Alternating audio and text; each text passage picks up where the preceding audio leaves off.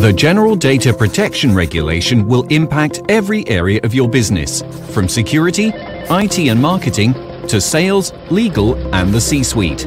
This is because GDPR has wide ranging repercussions for everyone, impacting customer relationships, data GDPR, ez a törvényi rendelet, ami az Európai Unióban érvényes, miképpen képzelhető el. Keleti Artúrral erről fogunk most beszélgetni. Hát, május 22-e van, tehát három nap van már csak hátra az életbelépésig. De hogy látod most, mi az érzeted? Felkészültünk a nagyon, nagyon izgulunk. Mindenki nagyon izgul. Te, mint IT-biztonsági szakember izgulsz? Nem, nem, most ez elnézést, nem tudtam tovább komoly maradni, tehát nem izgul senki sem. Az, az van, hogy el nehéz összefoglalni azt a sok minden dolgot, amit érzek ezzel kapcsolatban. A lényeg az, hogy nagyon sok olyan dolgot kér a GDPR, ugye, mint általános adatvédelmi rendelet, amit vagy nagyon nehéz megcsinálni, vagy egyesen nem lehet megcsinálni, ugyanakkor mégis kéne vele foglalkozni. Tehát szerintem május 25-én semmi se fog történni, tehát reggel fölkelünk, és minden pontosan jó úgy fog menni, mint ahogy eddig, eddig ment. És nem lesznek um, 10 meg 20 millió eurós büntetések? De, de hogy lesznek, nem lesznek. Hol nem, van az a hatóság, amelyik ez már most fölállt volna, hát van. nem Magyarországon, az egész Európai Unió összes tagállamában, és ez lenne a dedikált dolga, hogy az összes létező vállalkozást, ami van az Unióban, végigvizsgálja, hogy melyik kezel adatot, hogyan kezeli az adatot, és betartja-e a GDP-t. Tehát ez a Magyarországon a Nemzeti Adatvédelmi és Információ Szabadság, Szabadsági Hivatal, a hatóság. hatóság. Hatóság, a, ez a bizonyos hatóság. Ne, de, de hogy is. Ez nem egy újabb fejezete a, mondjuk annak, ami a tartalomszolgáltatás önszabályozási része, tehát nem lehet hát arról szó, nem hogy ez a folyamat, ha alakul is valamerre, hogy az Artur mondja a, a mostani inkább csak kimondott dolgok helyett, akkor az az, hogy végül, ha nem is lehet technikailag másképp megvalósítani, úgy igen, ha azt mondjuk, hogy van egy törvény, hogy persze valamennyire kötelesek maguktól is szabályozni ezt a dolgot, bárki, aki adatot kezel cég. Na, tisztázzuk, hogy az egész dolgra azért volt szükség, mert az emberek nem csinálják jól. Kezdjük így. Tehát se a cégek, se az emberek. Az embereket meg kéne próbálni védeni valahogy, a cégeknek meg el kéne magyarázni, hogy valamit máshogy kellene csinálni. Szerintem az egésznek ez az alapja.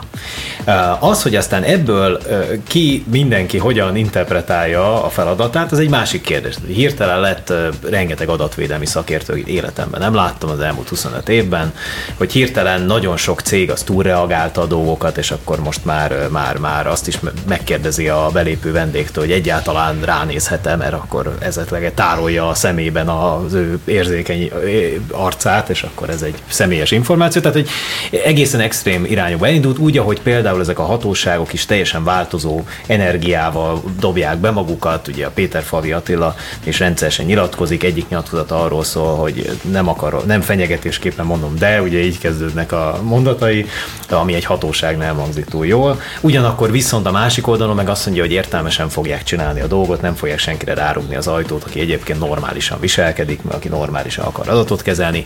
Én nemrég voltam egy ilyen belső céges biztonsági ilyen GDPR oktatási fórumon, és ott én azt a hasonlatot találtam mondani, hogy ez egy kicsit olyan, mint egy, mint egy kiskutya.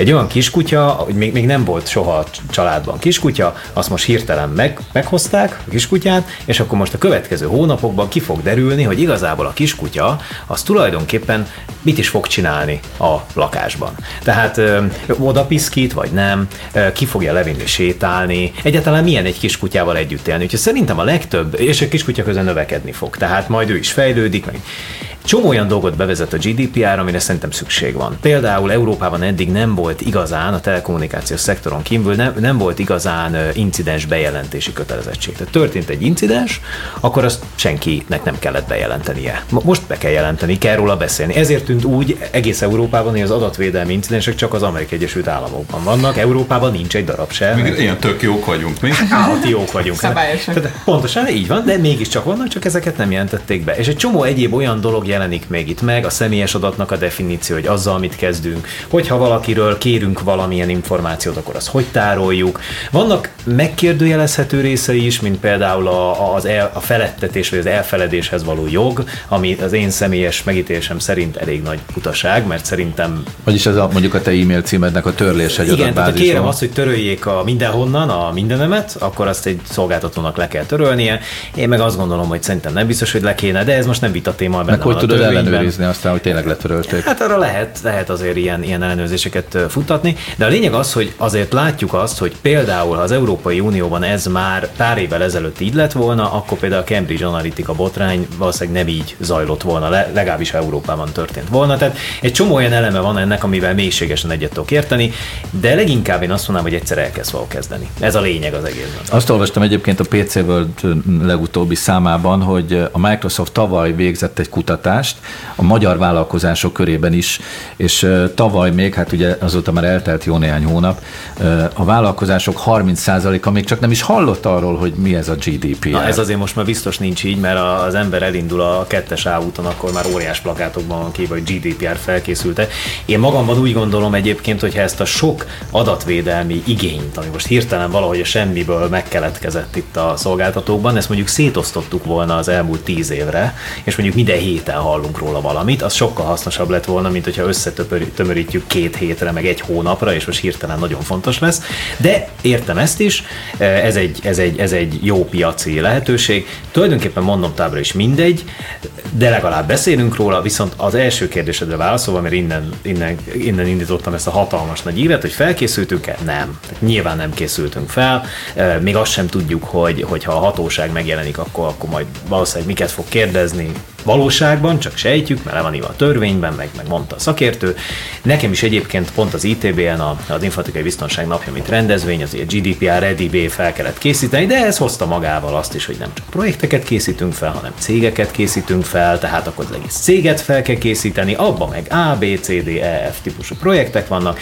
Így ismerkedett meg például a cég tulajdonosa édesanyám azzal, hogy mi az a GDPR, és hogy neki ez mi köze van, hogy mi köze van a kávés süteménynek az emberek személyes személyes adataihoz, hogy mi köze van a hírlevélnek a születési évszámhoz. Tehát egy csomó olyan dolog történik, ami hasznos, hogy hogy érünk a dolog végére, az ki fog derülni, egyáltalán lesz-e vége, nem tudom. És az viszont valószínűsíthető, hogy három nap múlva, május 25-én nem lesz apokalipszis Magyarországon sem, meg az egész Európában. Ne, nem lesz egyáltalán, meg, meg a legtöbb cég azért nyilván erre már valahogy felkészült, például a, a Facebook ö, ö, tulajdonosának, ö, vezérigazgatójának, Mark Zuckerbergnek az volt felírva a jegyzetei közé az amerikai szenátusi meghallgatáson, hogy amikor le, lefotózták, mert ott hagyta három percre a jegyzeteit, és ráugrottak a riporterek, hogy a Facebook az nem GDPR ready. Ez oda volt írva, hogyha megkérdez egy amerikai szenátor, akkor erre mit kell mondani? Három napra rá már mindenki megkapta az e-maileket a Facebooktól, kész vagyunk, GDPR ready vagyunk, lehet már kipipálni, küldeni. Tehát látszik, hogy itt mindenki megpróbál megfelelni ennek a dolognak, így vagy úgy,